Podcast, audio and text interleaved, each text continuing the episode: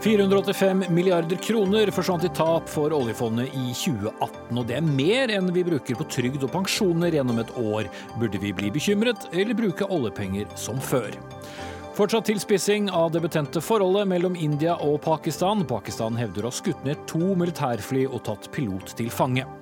77 anmeldelser for å bære kniv på offentlig sted i Oslo alene, bare i januar. Hva gjør politiet? Og ammeku eller kombiku? Det er eh, spørsmålet, og vi tar debatten i Dagsnytt 18.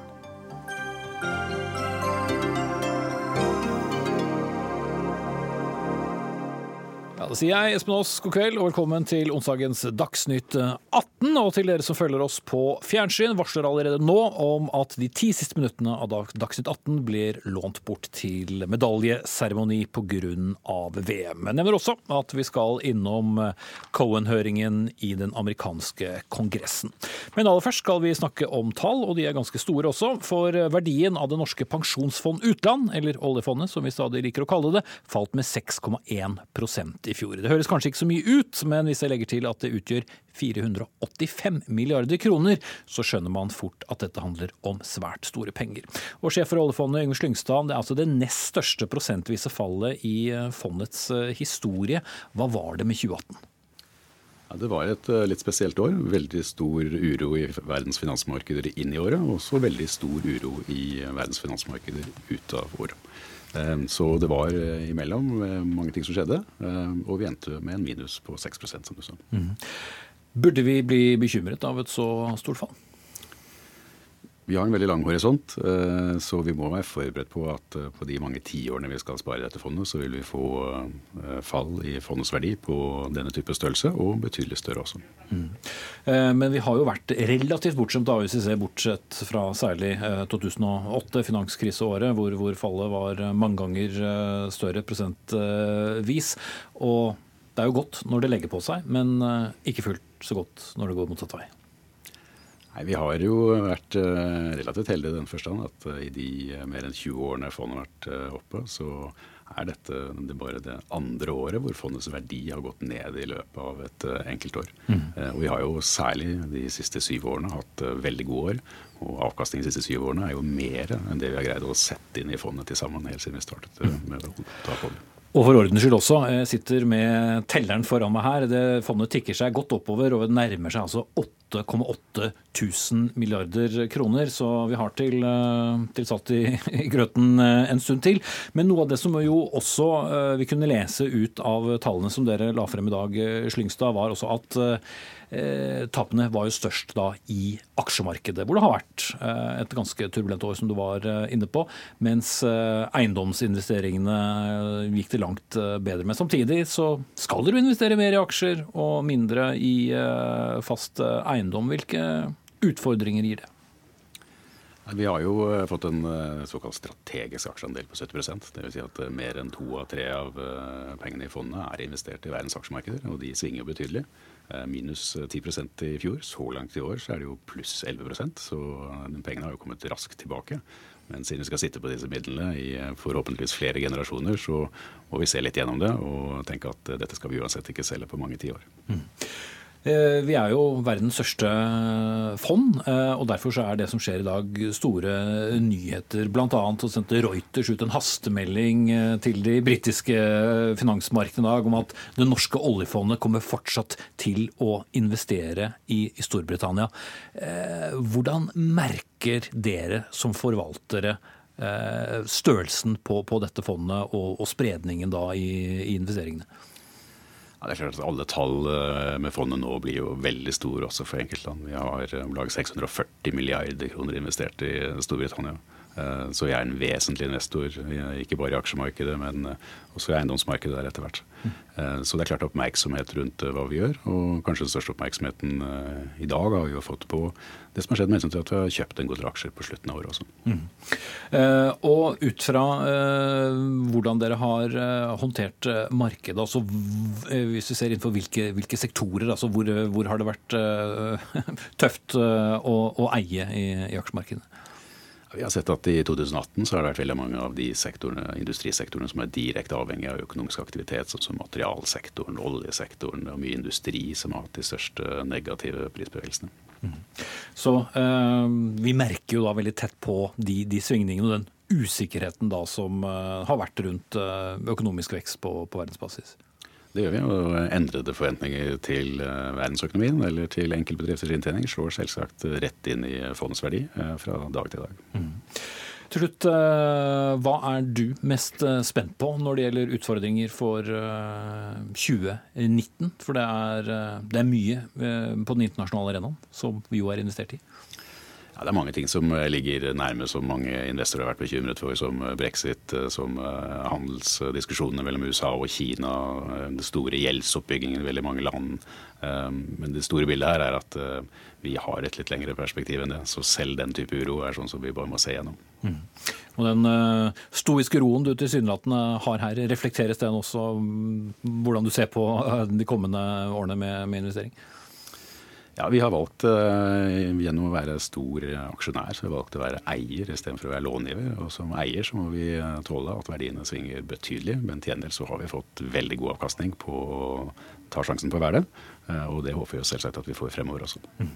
Takk skal du ha, Yngve Slyngstad. Vi skal eh, fortsette å snakke om eh, oljefondet, eller pensjonsfondet utland, men vi skal nå over til politikerne. For det er jo ikke til å mm, stikke under stol at investeringene, eller altså avkastningen på oljefondet også er svært viktig for budsjettene våre, og hva vi kan og ikke kan bruke penger på. Og Marianne Groth, statssekretær i Finansdepartementet for partiet Høyre, for å forklare folk der ute hvordan eh, dette, dette henger sammen. Altså, Hvor avhengig er vi av avkastningen på oljefondet når vi tenker eh, bruken av, av oljepenger inn i budsjettene?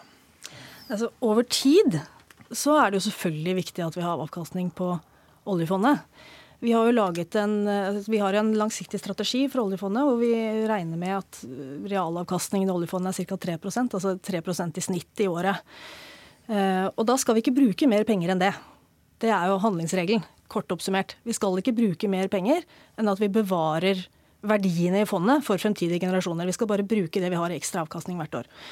Um, men det er klart, for, for det enkelte år så vet vi jo det at når du har penger investert i et aksjemarked, så, eller hvilket som helst marked, så vil de verdiene de vil gå opp og ned. Eh, og det påvirker jo ikke budsjettet i det enkelte år.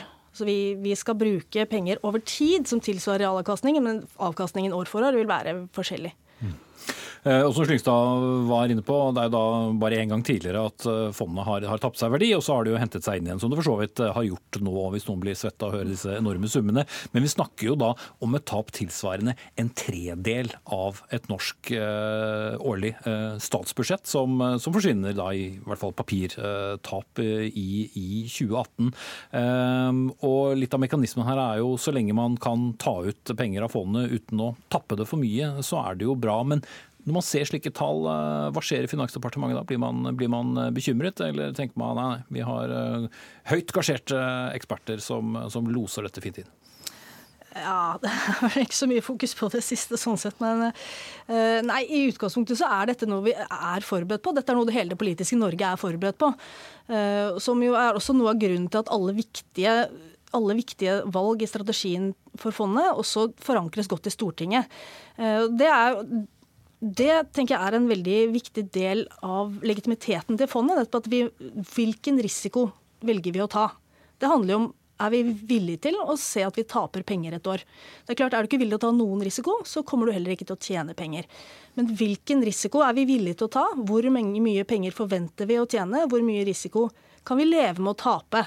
Eh, eller hvor mye penger kan vi leve med å tape, det er jo et veldig viktig strategisk spørsmål i forvaltningen av den norske oljeformuen, som derfor er også bredt politisk forankret. Dette tenker jeg, dette er noe det politiske Norge er ganske vant til å forholde seg til. Altså. Det mm. skaper ingen panikk.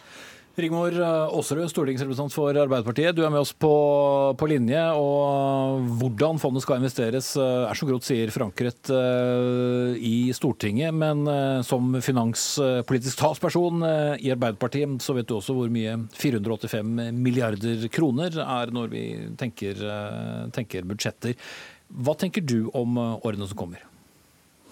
Det er ingen tvil om at uh, tallene i dag uh, gjør jo at du er litt urolig. Uh, så er det jo riktig som det blir sagt at vi faser inn oljepenger på den måten at vi bruker at vi ser ting over tid. Og det er viktig at vi i gode år ikke bruker opp alt vi kunne, sånn at vi kan bruke det i dårlige tider. Men det er klart vi er jo i en situasjon nå der vi har investert mer i aksjer enn tidligere. Og at vi nå får eh, altså såpass stor finansiell risiko, gir jo også noen nye utfordringer. Styret eh, for eh, oljefondet, som nå får en mer profesjonell base da, etter at vi har behandla det i Stortinget, vil jo måtte ha, etter vår mening, noe mer fullmakter til å kunne også handle når vi ser særlige tilfeller, sånn som vi kanskje så på slutten til året nå. Men så er det jo, er det jo betenkelig, syns jeg, at vi nå kanskje går inn i en situasjon der i alle fall ikke oljepengene kommer til å vokse på samme måten som det de har gjort. At vi samtidig da også sørger for at vi har mindre inntekter. For det, det blir mindre skatteinntekter når vi kutter skatteinntektene. Så det syns jeg er bekymringsfullt når du har ambisjoner for et velferdssamfunn som skal utvikle seg videre. Mm. Ja, um jeg tenker at Det viktigste, det tror jeg vi alle sammen er enige om. Vi, ikke, vi har et kjempestort fond. Det er fantastisk. Det er, eh, det er en, eh, et stort privilegium for Norge. Men samtidig så er det jo ikke det fondet vi lever av. Det, viktigste, altså det vi egentlig lever av, det er jo arbeidet vårt. Og det som er viktig for, del, uh, ja, da, for all del, men Mesteparten av pengene i statsbudsjettet kommer uansett fra andre ting. Og det viktigste for velferden vår fremover, det er jo at vi har verdiskapning i økonomien vår, at vi har bedrifter som går godt, at folk er i arbeid. Og det er jo også hovedprioriteten for denne regjeringen. Nettopp fordi fremtidens velferd er helt avhengig av at vi klarer å skape verdier, at bedriftene går godt, at vi har arbeidsgivere som kan ansette folk, at folk i er i arbeid, og alle som kan jobbe, skal ha muligheten til å jobbe. Eh, og Det er nettopp derfor denne regjeringen har satset så hardt på infrastruktur, på kunnskap, på skatteletter og rammevilkår for bedriftene. Og vi ser jo nå også at sysselsettingen går opp, arbeidsledigheten er lav. Det er Hjulene går rundt i økonomien, okay. og det er veldig godt nytt for fremtidas velferd. Men så er det andre som peker på at skal vi beholde velferden, så er ikke det alene nok. For det blir flere som trenger velferd, og vi krever stadig eh, et høyere nivå på den. Og, og Aasrud, i deres alternative budsjett for 2019 så klinte jo dere til også med, med en skatteøkning. Er det også et signal om at det må til for at vi skal sikre velferden for eh, kommende generasjoner, sammen med uttak fra oljefondet? Jeg registrerte jo at Høyres finanspolitiske talsperson før regjeringsutvidelsen sa at eh, man hadde ett mål, og det var mer skattelettelser, og at det ikke var rom for større velferdsreformer i tida framover. Det er vi uenige i. Vi har lagt inn noe mer skatteinntekter i vårt budsjett, for vi syns det er urettferdig at de 1000 rikeste har fått 1,3 millioner kroner mer i, i skattelette. Vi mener at de kan bære en noe større byrde. Og da får vi også anledning til å gi noe mer penger til sykehuset, til eldreomsorgen, til noe av de tinga vi mener er viktig å bruke penger på. Så det er nødvendig med skatteøkninger? Ja, Vi mener at de skatteøkningene vi har lagt inn i vårt budsjett nå er nødvendige for at vi skal kunne eh, gjøre enda mer på velferdsområdet. Og så mener jeg det er nødvendig, for jeg er enig med statssekretæren i at det er viktig at vi får folk i arbeid. Men da må vi også bruke mer penger på å få folk inn i arbeid.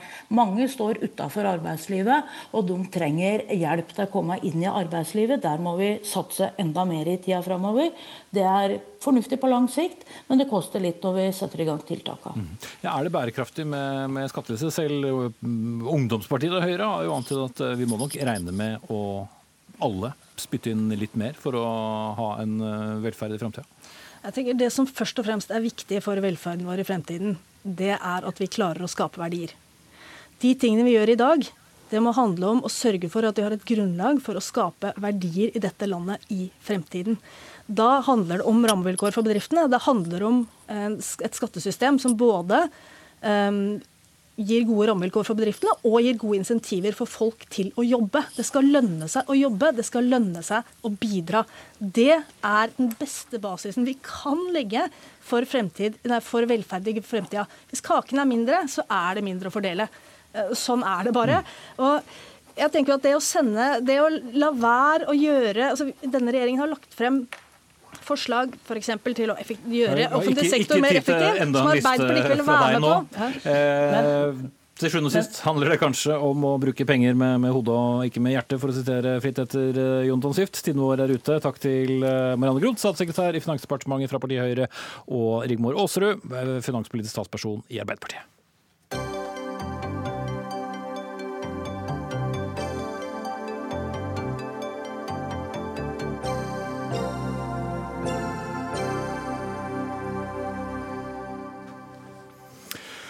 For ordens skyld, mens vi diskuterte eh, oljefondets markedsverdi, så har det faktisk tapt topp, eh, hva, hva sier passert 8,8 tusen milliarder kroner. Så så fort går det faktisk. Vi skal snakke om helt andre ting nå. For etter at Pakistan tidligere i dag eh, fortalte at de hadde skutt ned to indiske kampfly og tatt en pilot til fange i det omstridte Kashmir-området, så har situasjonen altså tilspisset seg enda litt.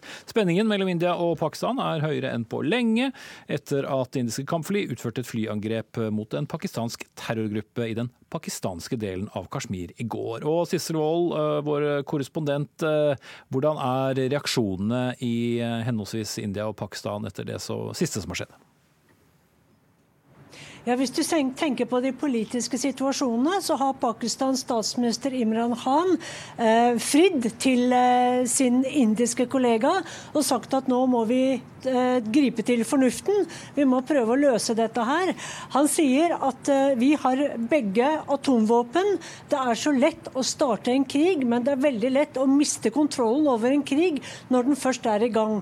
Dette er andre gangen eh, på noen måneder at statsminister Khan ber sin indiske motpart om å møtes for å prøve å løse denne konflikten. Sist, det var i september i fjor, så sa India nei, de tok ikke imot denne invitasjonen. Så det er klart at hvis de sier nei igjen, så blir nok både Imran Khan sint og også pakistanerne fornærmet. Det India har sagt eh, nå i ettermiddag fra det indiske med eh, Ministry of Exterior eh, Affairs, altså Utenriksdepartementet, er at de vil ha piloten sin hjem. Og nettopp denne piloten, som heter Abdi Nandan, han har jo blitt ansiktet på denne konflikten på sosiale medier så er det masse bilder av at han er forslått, blodig, mens pakistansk TV viser at han eh, takker pakistanerne for god behandling og takker for en nydelig kopp te. Lars Tore Flåtten, forsker ved Institutt for forsvarsstudier. Det begynner å bli ganske mange tiår at India og Pakistan ble to land, men denne konflikten dukker opp igjen og opp igjen. Hvordan skal vi forstå den senere tids eh, oppblussing? Altså, jeg tror man må ta historien til hjelp for å forstå dagens utvikling også. Uh, altså, den blodige delingen av det britiske India skapte svært dårlige utgangspunkt for de to eh, statene. Uh, så det var en altså, gjensidig mistillit allerede fra starten av. Uh, og Kashmir er langt på vei symbolet for det åpne såret som, som delingen av det britiske India fortsatt er. Og så har det kommet et tilleggselement de siste tiårene, fra slutten av 1980-årene så har det vært ulike opprørsbevegelser i eh, Kashmir, på den indiske siden eh, i Kashmir, som ønsker mer selvstyre, mer innflytelse, eh, og også at de indiske sentralmyndighetene ikke skal, skal gripe så hardt mot, mot disse protestene. Og, og, her beskylder India Pakistan for å støtte disse opprørerne, og også ha en hånd med i spillet når det gjelder ulike terroraksjoner over på den indiske siden av Kashmir. Ja, Det er jo både en, si, en, politisk og en religiøs deling, dette, med det muslimske eh, Pakistan. Og så har vi da eh, Kashmir eh, i midten. Og Sissel Wold, eh, du som har fulgt dette i noen år. Eh, hvor mye er politikk, og hvor mye blir også religion inn i dette? Jeg tror veldig mye handler om eh, nasjonal patriotisme eller nasjonalisme. Jeg snakket med en eh, pakistansk diplomat i dag, og han var eh, opprørt over indierne, som han mener er aggressive nå, fordi at India skal drive valgkamp. Det er valg i India i april og mai. Sånn at pakistanerne på sin side føler jo at de har strukket ut hånden et par ganger, men at det er inderne som er nasjonalistiske og aggressive fordi de er i valgkampmodus. Men det er klart fra indisk side så snes nok dette litt annerledes ut. Dette er et vanskelig og vondt sår, fordi at eh, som vi akkurat hørte, så var jo India, britisk India, ett land til man delte seg. Så pakistanere og indiere var jo den samme Eh, nasjonen, eller tilhørte det samme landet, for 70-80 eh, år tilbake. Mm. Ja, konkurrerer du med bønneropene fra minarettene her, eh, Sissel Wold? ja. Lars Tore Flåtten, det er jo også ikke bare da en indisk-pakistansk konflikt. fordi at begge land eh, sitter på eh, ganske kraftige våpen. Og det er jo mm. noe som gjør at eh, verdens øyne fort snur seg den veien med en gang det begynner å bli bråk i Kashmir. Bør man være nervøse for atomvåpen? Det har jo blitt truet med mange ganger. Ja da. Det er nok flere steg igjen til atomvåpen tas i bruk. Det er fortsatt worst case scenario. Men det man kan frykte, er en sånn ytterligere eskalering av eh, konflikten. Den er allerede alvorlig nok. Det at flyvåpen eh, tas i bruk på begge sider, det har vi ikke sett siden 1971. Eh, og det er helt klart, Man frykter denne voldsspiralen og den stadige gjengjeldelsen, og at det da kan føre til en, en eskalering. F.eks. hvis noen tar ut sivile mål på den andre siden, hva vil den andre parten da svare med? Og så er det også enkelte analytikere som hevder at atomvåpen i seg selv har en, en avskrekkende effekt, og gjør at eh, begge sider er tilbakeholdne. Mm. Eh, og Sissel Wold, det er gjort eh, forsøk eh, opp gjennom årene for å løse denne Kashmir-konflikten. Man gjør jo aldri helt det, men hvorfor er Kashmir så vanskelig? En grunn er kanskje at India ikke har ønsket å ha en eh, mellommann, fordi indierne tror jeg ser på dette mer som en intern konflikt, kanskje. Og så har jo Kina en aksje her, for Kina kontrollerer 20% av Kashmir-området. Dette anerkjenner ikke India. Kina er en, også en viktig spiller, fordi Kina er en veldig nær alliert av Pakistan. Eh, selger våpen til Pakistan. Eh, men så lenge man ikke ønsker å ha en mellommann, eller man ikke ønsker å snakke sammen, så er jo dette veldig vanskelig. Og selvfølgelig så går det mye prestisje i denne saken mellom disse to naboene som har hatt et vanskelig forhold i flere tiår. Mm. Ja, Lars Tore det gjør det også vanskelig for det internasjonale samfunn å gripe inn her. For det blir jo hver, hver, ene, hver eneste uttalelse og hver eneste setning vil jo bli sett i et eller annet politisk lys. Mm. Ja, det er helt klart Som, som Cecil Wold her også sier, så, vil, eh, så, er India veldig skeptiske til å blande inn eksterne aktører. Og Det går egentlig helt tilbake til, eh, til 1947, at man i hvert fall ikke ville ha noen vestlige makter inn for, for, å fortelle India hva de skulle gjøre. Uh, India jo også, har jo også vært skeptiske til FNs sikkerhetsråd, fordi de har forsøkt å få en del av disse terrororganisasjonene på, på, terrorlisten og få sanksjoner mot dem, og altså opplevd at Kina har lagt ned veto mot det. Nå er vel kanskje Kina litt med på, på glid, og Kina er helt klart en veldig viktig aktør her, som Pakistans nære allierte, eh, men også som Indias viktigste handelspartner. Så Kina sitter på, altså, kan sitte på, på nøkkelen her. Mm. Vi får følge med, og dere får følge med for oss. Takk skal du ha, Lars Tore Flåtten, forsker ved Institutt for forsvarsstudier, og Sissel Wold, vår eh, korrespondent.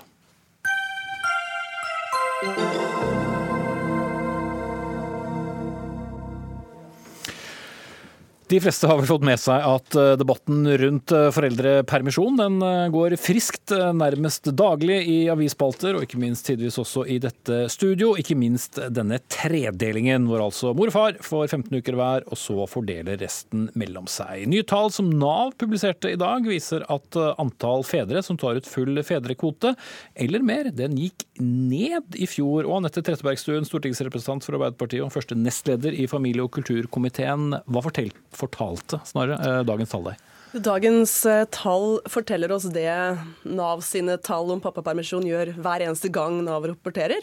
Og det er det at norske pappaer de tar ut det som er pappakvoten, og nesten ikke en dag utover det. Mm, det de må.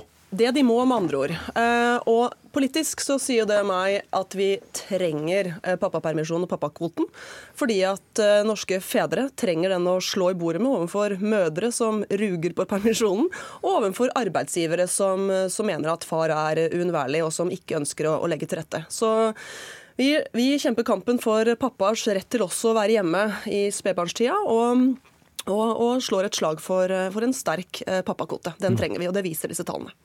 Var det slik du leser tallene også, Lene Westgård Halle, stortingsrepresentant for eh, Høyre? Du har jo ellers ferske erfaringer med tredeling av, av foreldrepermisjon. Ja, er, jeg er i jobb nå, og pappa skulle gjerne hatt mer permisjon. men det, det får han ikke, dessverre. Men jeg tror det viktigste vi skal ha med oss, er at vi har i dag veldig rause velferdsordninger. Vi er veldig heldige i Norge. Um, og så er det jo sånn at Hovedformålet med foreldrepermisjonen er jo trygghet for barnet. At barnet skal stå i sentrum. og Foreldrepermisjonen ble jo ikke egentlig innført for likestillingens del. De tallene som vi ser i dag, viser jo da at 46% av fedrene tar ikke ut sin del av kvoten. Uh, det betyr at enten så tar mor ulønnet permisjon, eller så blir barnet sendt veldig tidlig i barnehage. Uh, altså, altså I verste fall når de er drøye sju måneder gamle. og det er jo ikke det beste for barnet. Utfordringen også med at veldig mange mødre, da, eh, opptil nesten halvparten, tar ut ulønna permisjon, gjør jo også at de kommer i en ganske vanskelig økonomisk situasjon. Um, og de stiller jo ikke akkurat veldig sterkt i arbeidslivet. Og så er det det siste, men kanskje også det viktigste, da, er jo ammingen. Altså, det er jo viktig at barna ammes lengst mulig. Rådet er jo at det skal være minst seks, måneder, og vi jobber jo for at det skal bli lenger. Og amming er jo et veldig følsomt tema for mange. Og så vet jeg at svaret er at ja, men man kan amme på jobb, men det er jo sånn at med mindre man bor veldig nært jobben og har en jobb som er veldig fleksibel, egentlig da jobber på kontor, så er det veldig veldig vanskelig. Det, så jeg tenker at Den ordningen vi har i dag, den er for rigid. og Den gjør at barnet ikke settes i sentrum, og den bør være mer fleksibel enn det den er i dag. Men du vil heller ha den litt mer rigid, hvis jeg skal låne det ordet? Ja, vi i Arbeiderpartiet vi syns at den tredelingen som er innført nå, eh, med, med like store deler til mor og far og en raus fellesdel, er helt riktig. Det skulle bare mangle. Her bruker staten 22 milliarder hvert eneste år på verdens beste foreldrepermisjonsordning. Det er jo egentlig helt fantastisk. Mine amerikanske venninner må tilbake på jobb etter to måneders ulønna permisjon. Men her kan man være hjemme i over et år, eller et helt år. Um, og Det skulle bare mangle at ikke også pappaene eh, fikk lov til å ta del i det. At også pappaene hadde sin kvote og sin rett til å, til å, være hjemme. Det som er interessant med de tallene som kom i dag også, og forskningen, eh, det, er jo, det er jo det at vi ser at også de pappaene som tok ut pappakvoten, mener at vi skal ha en stor pappakvote. Og Det sier meg litt om at eh, det fortsatt er sånn at mødre ses på som omsorgspersoner, og fedre ses på som forsørgere, og arbeidslivet vil eh, ofte ikke legge til rette. Eh, og at fedrene i mange tilfeller da velger bort pappapermisjonen istedenfor å ta fighten med et arbeidsliv som ikke vil legge til rette. Mm. Og Westgård Halle, Viken Høyre vedtok nylig å gå tilbake, eller innføre et forslag da, om å gå tilbake til den gamle ordningen med ti uker pappaperm. og Dette dukker også opp på landsmøtet deres om, eh, om eh, kort tid. Eh, hvorfor er det riktig? Jeg, tror nok det er eh, litt det som vi ser i de tallene som er lagt frem av Nav i dag. Jeg hører det at uh, Anette sier at, uh, de, at, fedrene ønsker mer permisjon. og det, de, de, som er spurt, er jo de som faktisk har tatt ut permisjon. De har ikke spurt de som ikke har tatt ut permisjon, så det er jo en utfordring. Og så er det det med de ti ukene. Jeg tenker at det, det gir familiene mer fleksibilitet. altså Sånn det er i dag, så er det altså nesten halvparten av fedrene tar ikke ut den permisjonen. Og da, er, da stemmer det jo ikke da, at fedrekvoten gjør at fedrene gjør det som staten vil. Jeg tenker at det er er ingen familier som er A4. Um, det er ingen familier som har samme løsning. Familiene bør i større grad kunne bestemme det selv, fordi det er så mange eh, negative sideeffekter da, som vi ser når, det, når, tredelingen er så sterk som den er i dag. Jeg tror ti uker vil være mer passende. Nei, det er, det er helt riktig det at alle familier er jo ulike. Men vi ser jo at disse familiene som er så ulike, de velger forbausende likt. Altså. Det er sånn at uh, mamma tar ut det meste av permisjonen, og dersom ikke far har en pappakvote, eller, og pappa tar ut kun kvoten, eh, eller eventuelt da ikke det. Og Det sier oss litt om at vi trenger den kvoten, fordi at vi er ikke kommet dit hen i det norske samfunnet i dag at eh, fedre og mødre er likestilt som, som omsorgspersoner. Og Hvis vi mener at det er bra at pappaer også er hjemme med barna sine, og jeg har til gode å møte noen som mener at det ikke er bra for barnet, um, og det er det ordningen er til for uh, Hvis vi mener det, at mor og far skal være likestilte som omsorgspersoner, så må også pappaer få lov til å gå hjemme, og da trenger de begge to rettigheter til å kunne få, få være hjemme. Det er bra for barnet, det er bra for pappaene, det er bra for likestillinga hjemme og i arbeidslivet, og det er bra for arbeidslinja. Mm. Men burde delen rett og slett på midten?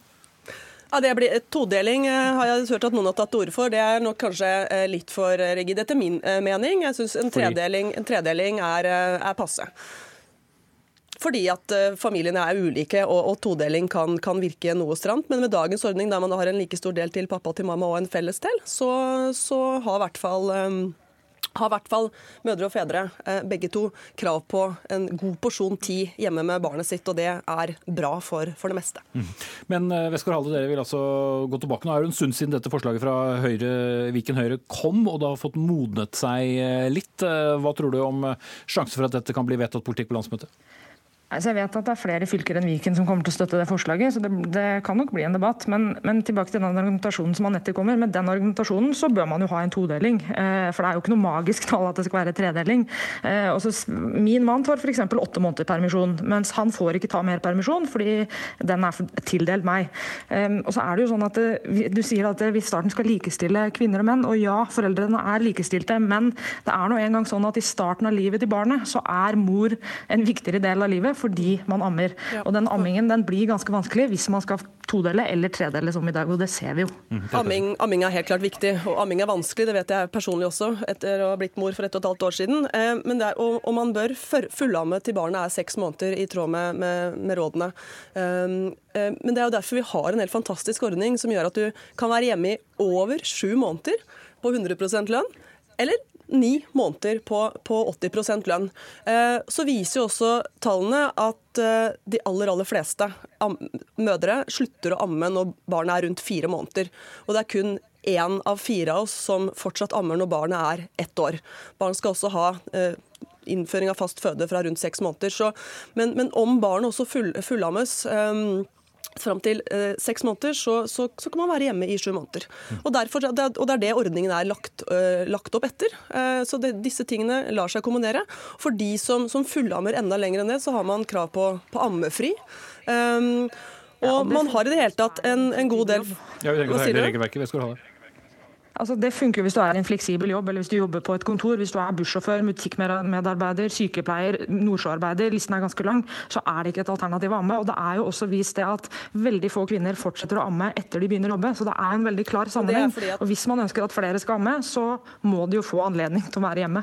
Det er jo fordi at de fleste eh, ammende mødre slutter å amme før, før, de begynner å jobbe. Det er ikke pga. arbeidet de slutter å amme, de slutter før det. Ja, det Men poenget er at jeg, jeg, jeg, er villig til å ta en diskusjon eh, om det er slik at de andre ordningene som skal treffe småbarnsforeldre og foreldre i spedbarnsfasen, som f.eks. ammefri, rett til eh, fleksibilitet i arbeidslivet, om det fungerer eller ikke.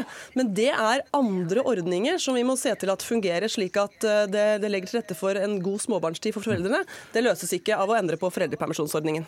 Og er absolutt helt andre diskusjoner. Eh, nå handlet det om eh, de som ønsket mer permisjon fra permisjonen, om du vil. Eh, takk til Anette Trettebergstuen fra Arbeiderpartiet og Lene Camilla Westgård Halle fra Høyre.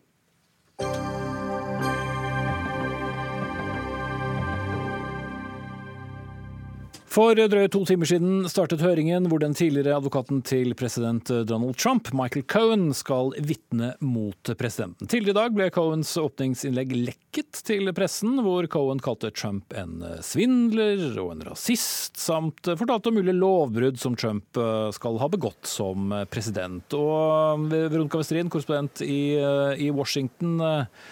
Hvordan vil du beskrive ordbruken i de to første timene av denne høringen? Dette er jo et eh, karakterdrap av, eh, fra han som en gang var eh, en av Trumps aller nærmeste medarbeidere. Dette er en person som jobba svært tett på Trump i ti år. Han gikk for å være Trumps fikser og personlig advokat. Og de karakteristikkene han gir av USAs president her, er jo lite flatterende, men forventet.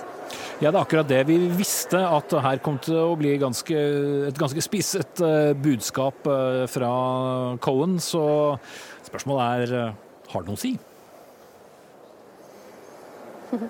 Ja, Det er jo det som blir spennende å følge med på hva som skjer etter dette. Men eh, det er jo ingen tvil om at republikanerne vil bruke alt det de kan for å sverte, sverte det eh, Cohen her sier. Han har jo tidligere innrømmet å ha løyet for Kongressen og skal i fengsel pga. dette og en rekke andre forhold. Han er dømt til tre år i fengsel. Eh, og, og han sa jo sjøl her i dag at forrige gang så var jeg her for å beskytte Trump, i dag så er jeg her for å fortelle sannheten. Og så blir jo da spørsmålet spørsmålet hvorvidt eh, man skal tro på alt det han sier her, og ikke minst eh, hvor troverdig den dokumentasjonen han eh, legger fram her. For det har han jo også gjort i dag. Han har lagt fram flere dokumenter som skal underbygge de påstandene som han kommer med her. Mm. For la den tvilen legges til side. Cohen er ingen hvem som helst.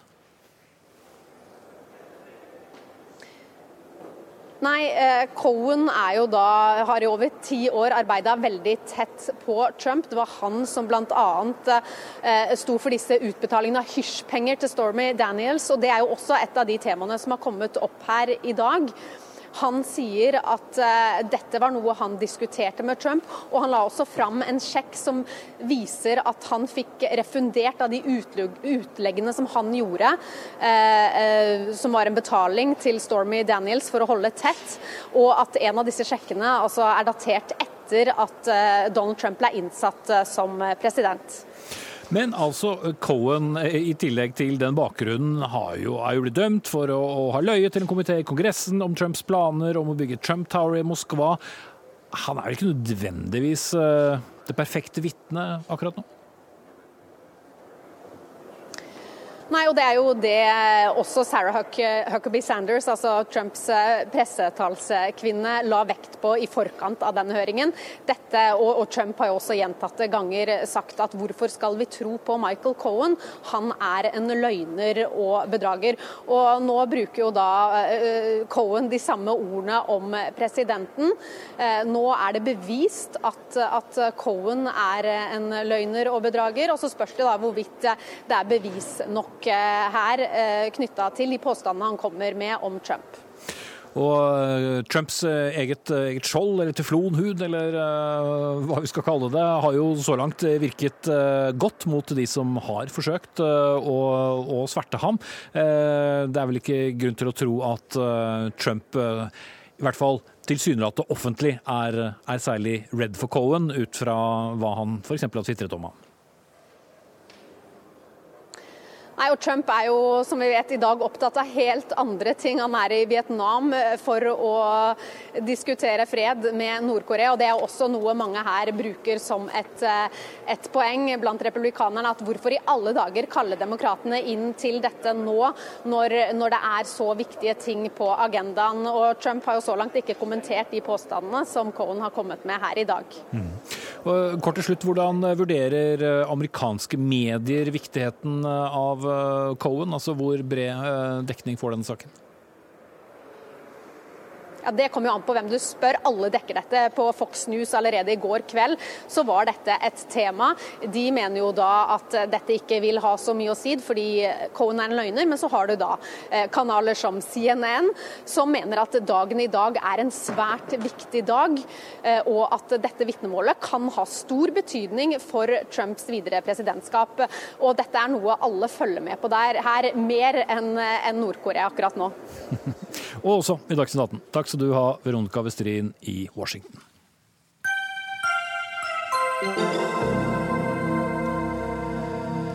Vi snakket om noen veldig høye tall i begynnelsen av sendingen, men alt er relativt. Vi skal snakke om noen høye tall nå også, fordi tall fra politiet i hovedstaden viser at 77 personer ble anmeldt for å ha båret kniv på offentlig sted bare i januar.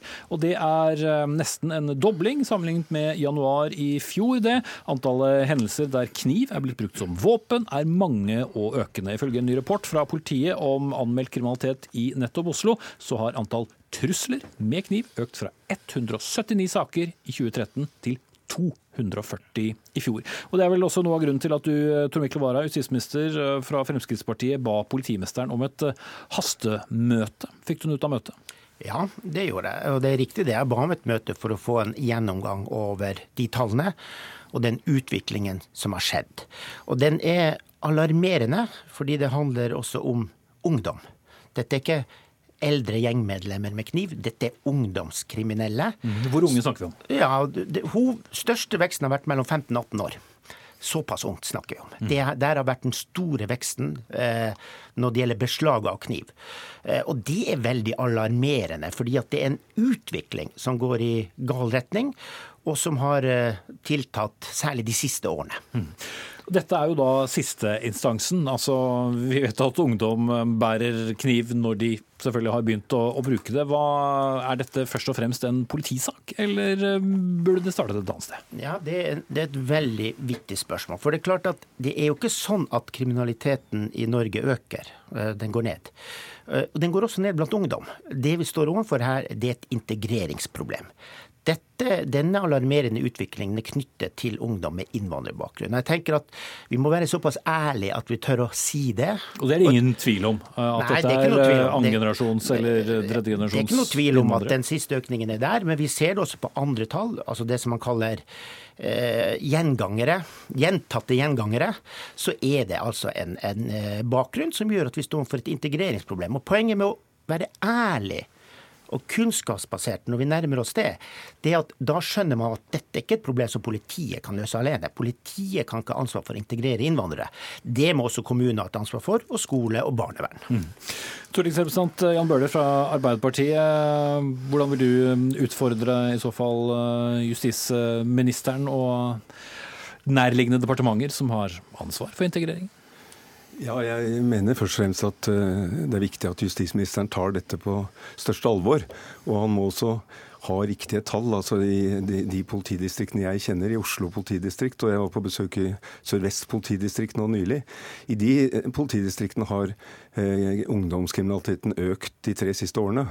Sånn at uh, Hvis man sammenligner langt tilbake, så blir det en annen type sammenligningsgrunnlag. Men de tre siste årene har vi sett en alvorlig utvikling som vi må være obs på. Også i antall gjengangere, som kanskje særlig er et uh, viktig problem. Men hva gjør også vi da? Skal vi være tøffere i klypa? Og så ønsker jeg å uh, Altså dette problemet med kniver, som, som programlederen nevnte innledningsvis, det er økende tall.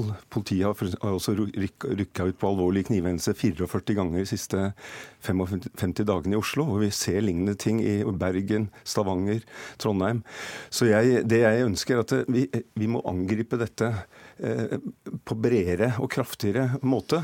Og det jeg har foreslått, er en handlingsplan. fordi når, når det er problemer vi ikke greier å håndtere godt nok, har vi sett en alvorlig utvikling. Folk blir eh, skremte de som berører seg til nærmiljøene sine. Og vi må ta bedre tak. Så jeg har utfordra eh, regjeringen tidligere også på å lage en handlingsplan, og jeg gjør det nå igjen. Og jeg har noen forslag til hva som bør være i en plan, hvis jeg kan få lov til å komme til det. Men er du enig med Vara i hvem det er som eh, er i disse gjengene, hvem det er som blir tatt for å bære kniv på offentlig Er det et integreringsproblem, eller er det et kriminalitetsproblem? Nå ser vi i de, i de si, ungdomskriminelle miljøene jeg kjenner, i hvert fall fra Oslo øst, så er det, er det gjelder det også barn helt ned i 13-14-årsalderen. At de er ute på ganske farlige men var det et ja eller nei til uh, og, Hva sa du? Var det et ja eller nei til det, det er, altså, De er multietniske. Det er, det er, barn som har vokst opp her, de har gått på skole sammen. Og det vi ser mer, altså Tidligere på 80-90-tallet så var gjengene mer én etnisitet. altså Det var f.eks. pakistanske gjenger. Nå er de på tvers av alle etnisiteter. Og i disse områdene er det jo mange som har eh, innvandrerbakgrunn, og som også er blant de som tas for f.eks. knivekriminalitet. Mm -hmm. Ja, Vi kan jo ikke akkurat sende folk hjem igjen som er født og oppvokst her? Nei, det kan vi ikke gjøre. Men jeg tenker at det er veldig viktig å, å ta inn over seg det som er faktum. For det er jo riktig som å si at ungdomskriminaliteten vokser i enkelte bydeler hvor innvandrertettheten er høy. Det er jo derfor også flere, bl.a. fra tenketanken min og fra politimesteren og fra regjeringen, har sagt at man ikke bør bosette flere i de belastede bydelene. Og det tror jeg er veldig viktig. Oslo, det er bydeler i Oslo som trenger en innvandringspause, sånn at vi får til integreringen. Og når vi skal lykkes med integreringen, ja, så er det altså sånn at da må også Oslo kommune trå til. Og Oslo kommune har så langt altså mislykkes med den integreringen i de bydelene. Mm. Raymond Hansen var eh, invitert hit, eh, kunne ikke komme. Men eh, Jan Bøhler, som vi allerede hører, du kjenner jo byen godt nok. Har, har Vara rett? Jeg syns det er synd hvis justisministeren igjen, som jeg opplever mange ganger i Stortinget, når vi skal ha debatter om konkrete former for kriminalitet som vi må bli bedre til å bekjempe, som, som knivvold. Syns jeg er synd at man skal ha en generell debatt om, om innvandring og, og, bosetting. Altså Jeg er for å stoppe med bosetting i disse områdene vi snakker om nå. Men denne diskusjonen, Ja, det har jeg sagt for, for, for lenge siden. Men for, for flere, for flere eh, For dette tilfellet her, med knivvolden, så trengs det noe mer enn en generell debatt som Frp elsker ønsker å avspore inn i. Og det er altså hva skal vi gjøre for å øke risikoen for å bli tatt, når eh, særlig da unge mer og mer, ikke bare i Oslo, men også Bergen, Trondheim og Stavanger, rapporterer politiet, de går, utstyrer seg med kniv i utsatte miljøer. Og, og det gjør at eh, da blir enda flere som eh, har med seg kniv for å kunne forsvare seg, og så har vi en ond spiral, og det er flere hendelser. Hvordan skal vi øke risikoen? Hvordan skal vi få bedre reaksjoner mot det? Dag, Vara, siden du snakket med lovens lange Ja, ja, ja, absolutt. Og det er klart at politiet har en jobb å gjøre, og politiet er tydelig på Nei, altså En av grunnene til at flere, det har vært flere knivbeslag, det er at politiet faktisk aktivt leter etter kniver i disse områdene her. Og mye av det som Jan Bøhler eh, sier her, syns jeg er fornuftige ting. Problemet til Jan Bøhler er at resten av Arbeiderpartiet ikke er enig med han. Eh, Raymond Johansen vil ikke stoppe eh, innvandringen til disse bydelene. Han har sagt det helt eksplisitt. Og mye av de tingene som er nødvendig å gjøre, skal vi gjøre politisporet. Og det er mitt ansvar. Vi skal se på strafferammen, vi skal forby machete, vi skal være tydelige på og raskere på ungdommen som er der. Men så sier jeg at dette kan ikke politiet løse alene. Her trenger politiet å være sammen med også kommunen og skolevesen og barnevern. Men er dette først og fremst et Oslo-problem? Altså, som Bøhler også viste til, så har vi jo hørt uh, også historier fra andre store byer. Hva er din uh, diagnose der, uh, Vara? Nei, det, som, det er et problem vi ser i de fleste storbyer i Europa. Og vi ser det ikke minst i Sverige. Eh, I eh, Norge så ser vi det i Oslo, og vi ser tendenser i Bergen og Kristiansand. Men det er viktig å understreke at vi har ikke svenske tilstander i Oslo, men vi kan få det hvis vi ikke er tydelige og kontant. Og her må politiet være til stede. Vi må prioritere kamp mot gjenger, vi må prioritere kamp mot ungdomskriminalitet. For det som er viktig her, det er å sørge for at alle denne ungdommen som, som driver rundt, ikke blir fanga opp av gjengene og blir neste generasjons gjengmedlemmer. For da får du en situasjon som du har i resten av Europa.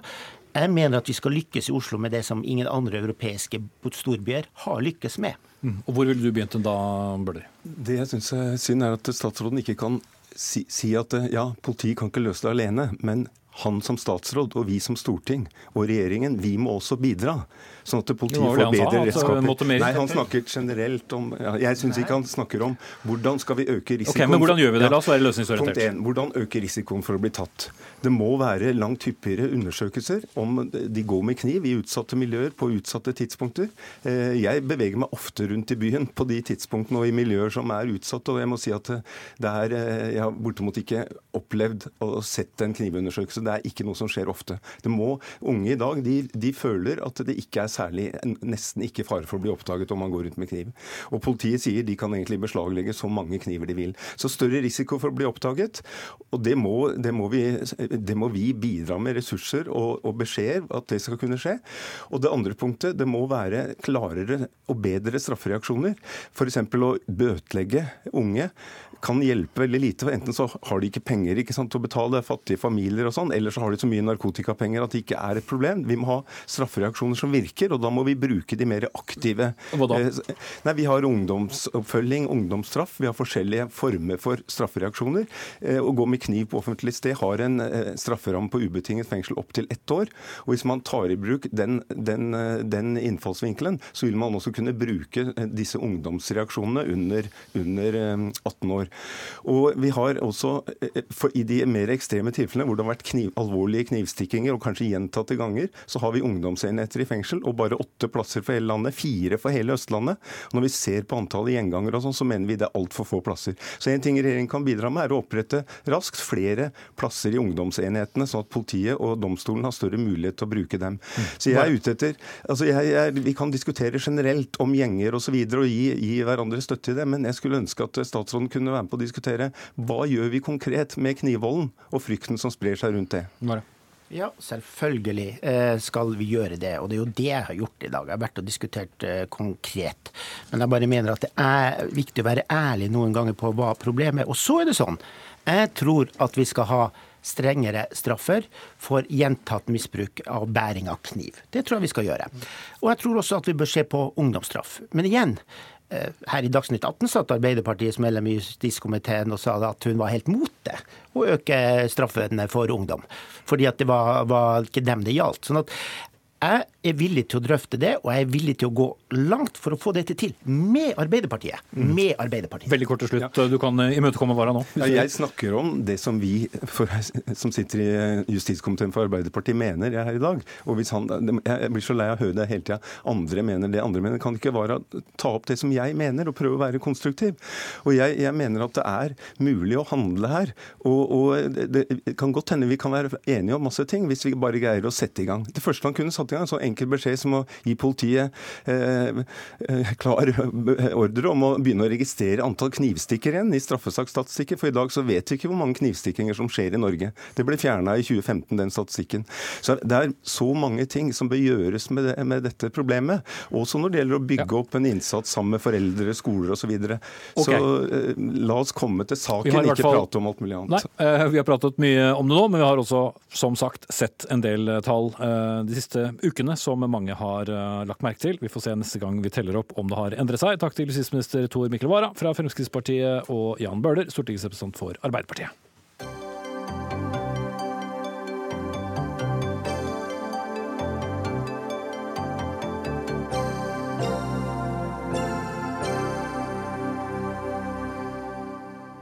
I norsk landbruk går det en debatt om hvordan klimagassutslippene kan reduseres. En av debattene er hva slags ku som er mest miljøvennlig. Ja da, er det ammekyrene, som kun brukes til å gi melk til kalver som senere skal slaktes, eller er det det som kalles for kombinasjonskua, som vi forbrukere både får melk og som av og til også blir til biff. Og Arne Grønlund, pensjonert landbruksforsker ved Norsk institutt for bioøkonomi. Du mener at det er den såkalte kombinasjonskua som er å foretrekke. For i en kronikk i Nasjonen skriver du at eh, ammekuproduksjonen er en svært ineffektiv produksjon som gir store klimagassutslipp. Så hvorfor er det mer miljøvennlig med kyr som både melkes og blir til biff? Jo, ei melkeku produserer i tillegg til en kalv ca. 8000 kg melk i året. Og da kan klimagassutslippene fra denne totale produksjonen fordeles på melkeproduksjon og kjøttproduksjon. Og når du sier klimagassutslipp, eh, rent konkret, så vårt publikum forstår det, hva snakker vi om? Ja, det er jo først og fremst metan fra fordøyelse, men òg lystgass fra eh, husdyrgjødsel og eh, utslipp fra produksjon av fôret til, til dyrene. For det er jo slik at eh, utslippene de øker stort sett proporsjonalt med den fôrmengden de trenger for å produsere maten. Men da med å bruke kyrne flere ganger, så, så blir det mer miljøvennlig? Ja, det er jo helt klart at eh, eh, sammenligna med, med ammekyr, så gir jo eh, melkekyr bare litt over halvparten så store klimagassutslipp. Og de forbruker eh, litt over halvparten så mye kraftfôr og kunstgjødsel og soya som eh, disse spesialiserte kjøttfeene bruker. Leif Helge Kongshaug, du er styreleder i Tyr, som er da eh, behørig nok Organisasjonen for storfekjøttprodusenter. Eh, Men du er ikke helt enig i Grønlunds resonnement? Eh, Jo, både og. Eh, vil, eh, min påstand er at eh, ammekua er en veldig effektiv kjøttprodusent. Og det er en flott produksjon der dyrevelferden er i høgsetet. Vi har kanskje ikke noe flottere produksjon her i landet. Men eh, når jeg sier at jeg er delvis enig med Arne Grønlund, så er det jo at NRF, NRF-kua er jo en, en flott ku. Men hun er jo primært for å skaffe melk og melkebehovet. Og så får hun en kalv i tillegg. Og hvis du tar med både melk og kalven, altså NRF-kua som både melkeku og kjøttprosent, så er jeg jo enig med Arne Grønlund at, hun, eh, at den krever mindre energi for å produsere den maten. Men problemet er jo at de siste 20 åra har vi importert 225 millioner kilo kjøtt fordi at den NRF-kua som det her er snakk om, ikke har hatt så mange kalver, eller du sa på en annen måte, det har ikke vært nok av dem til at det har blitt så mange kalver at vi har hatt nok storfekjøtt i Norge.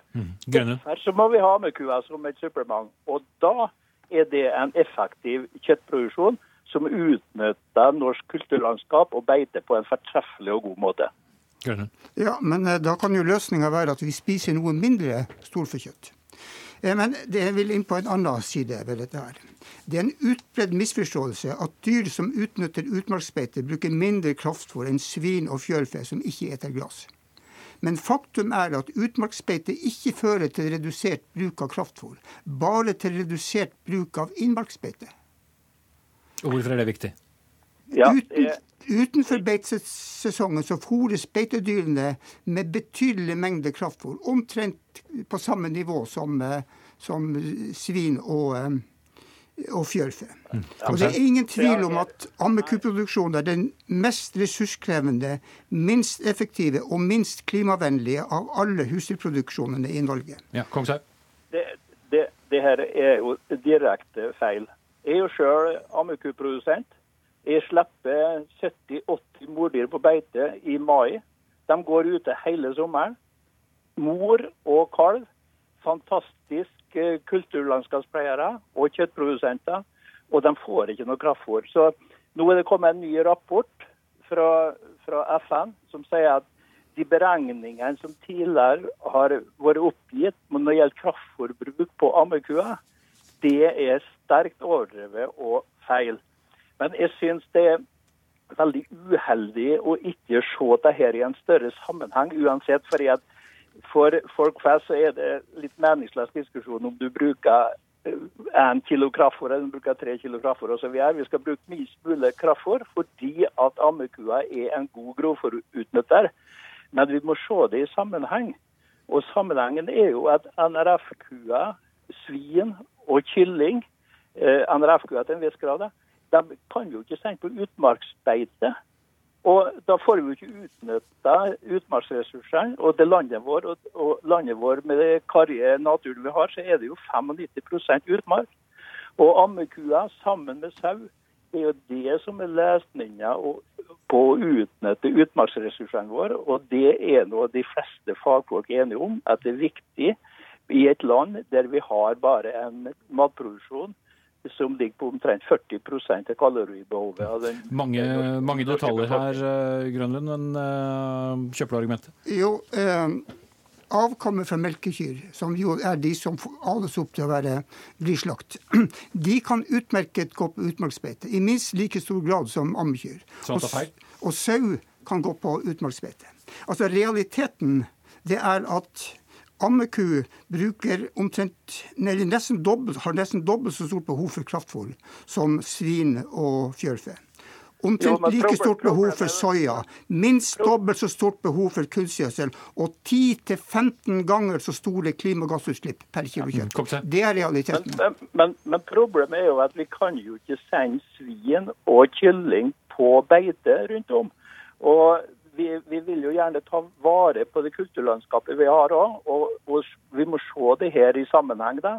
Se på albedoeffekten. Se på de nye rapportene. som- albedoeffekten betyr at har du et åpent landskap, som er et resultat av beiting, så vil det ha en mye bedre effekt på klimaet enn om du har et tildekt skoglandskap.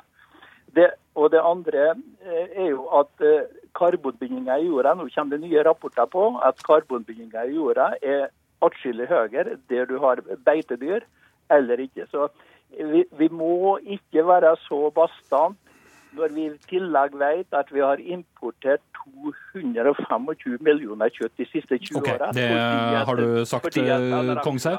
Vi eh, vi er eh, ved veis eh, ende, faktisk, i den eh, store ammekudebatten. Takk skal dere begge ha. Arne Grønlund, pensjonert landbruksforsker ved Norsk institutt for bioøkonomi, og Leif Helge Kongshaug, styreleder i Tyr, organisasjonen for storfekjøttprodusenter.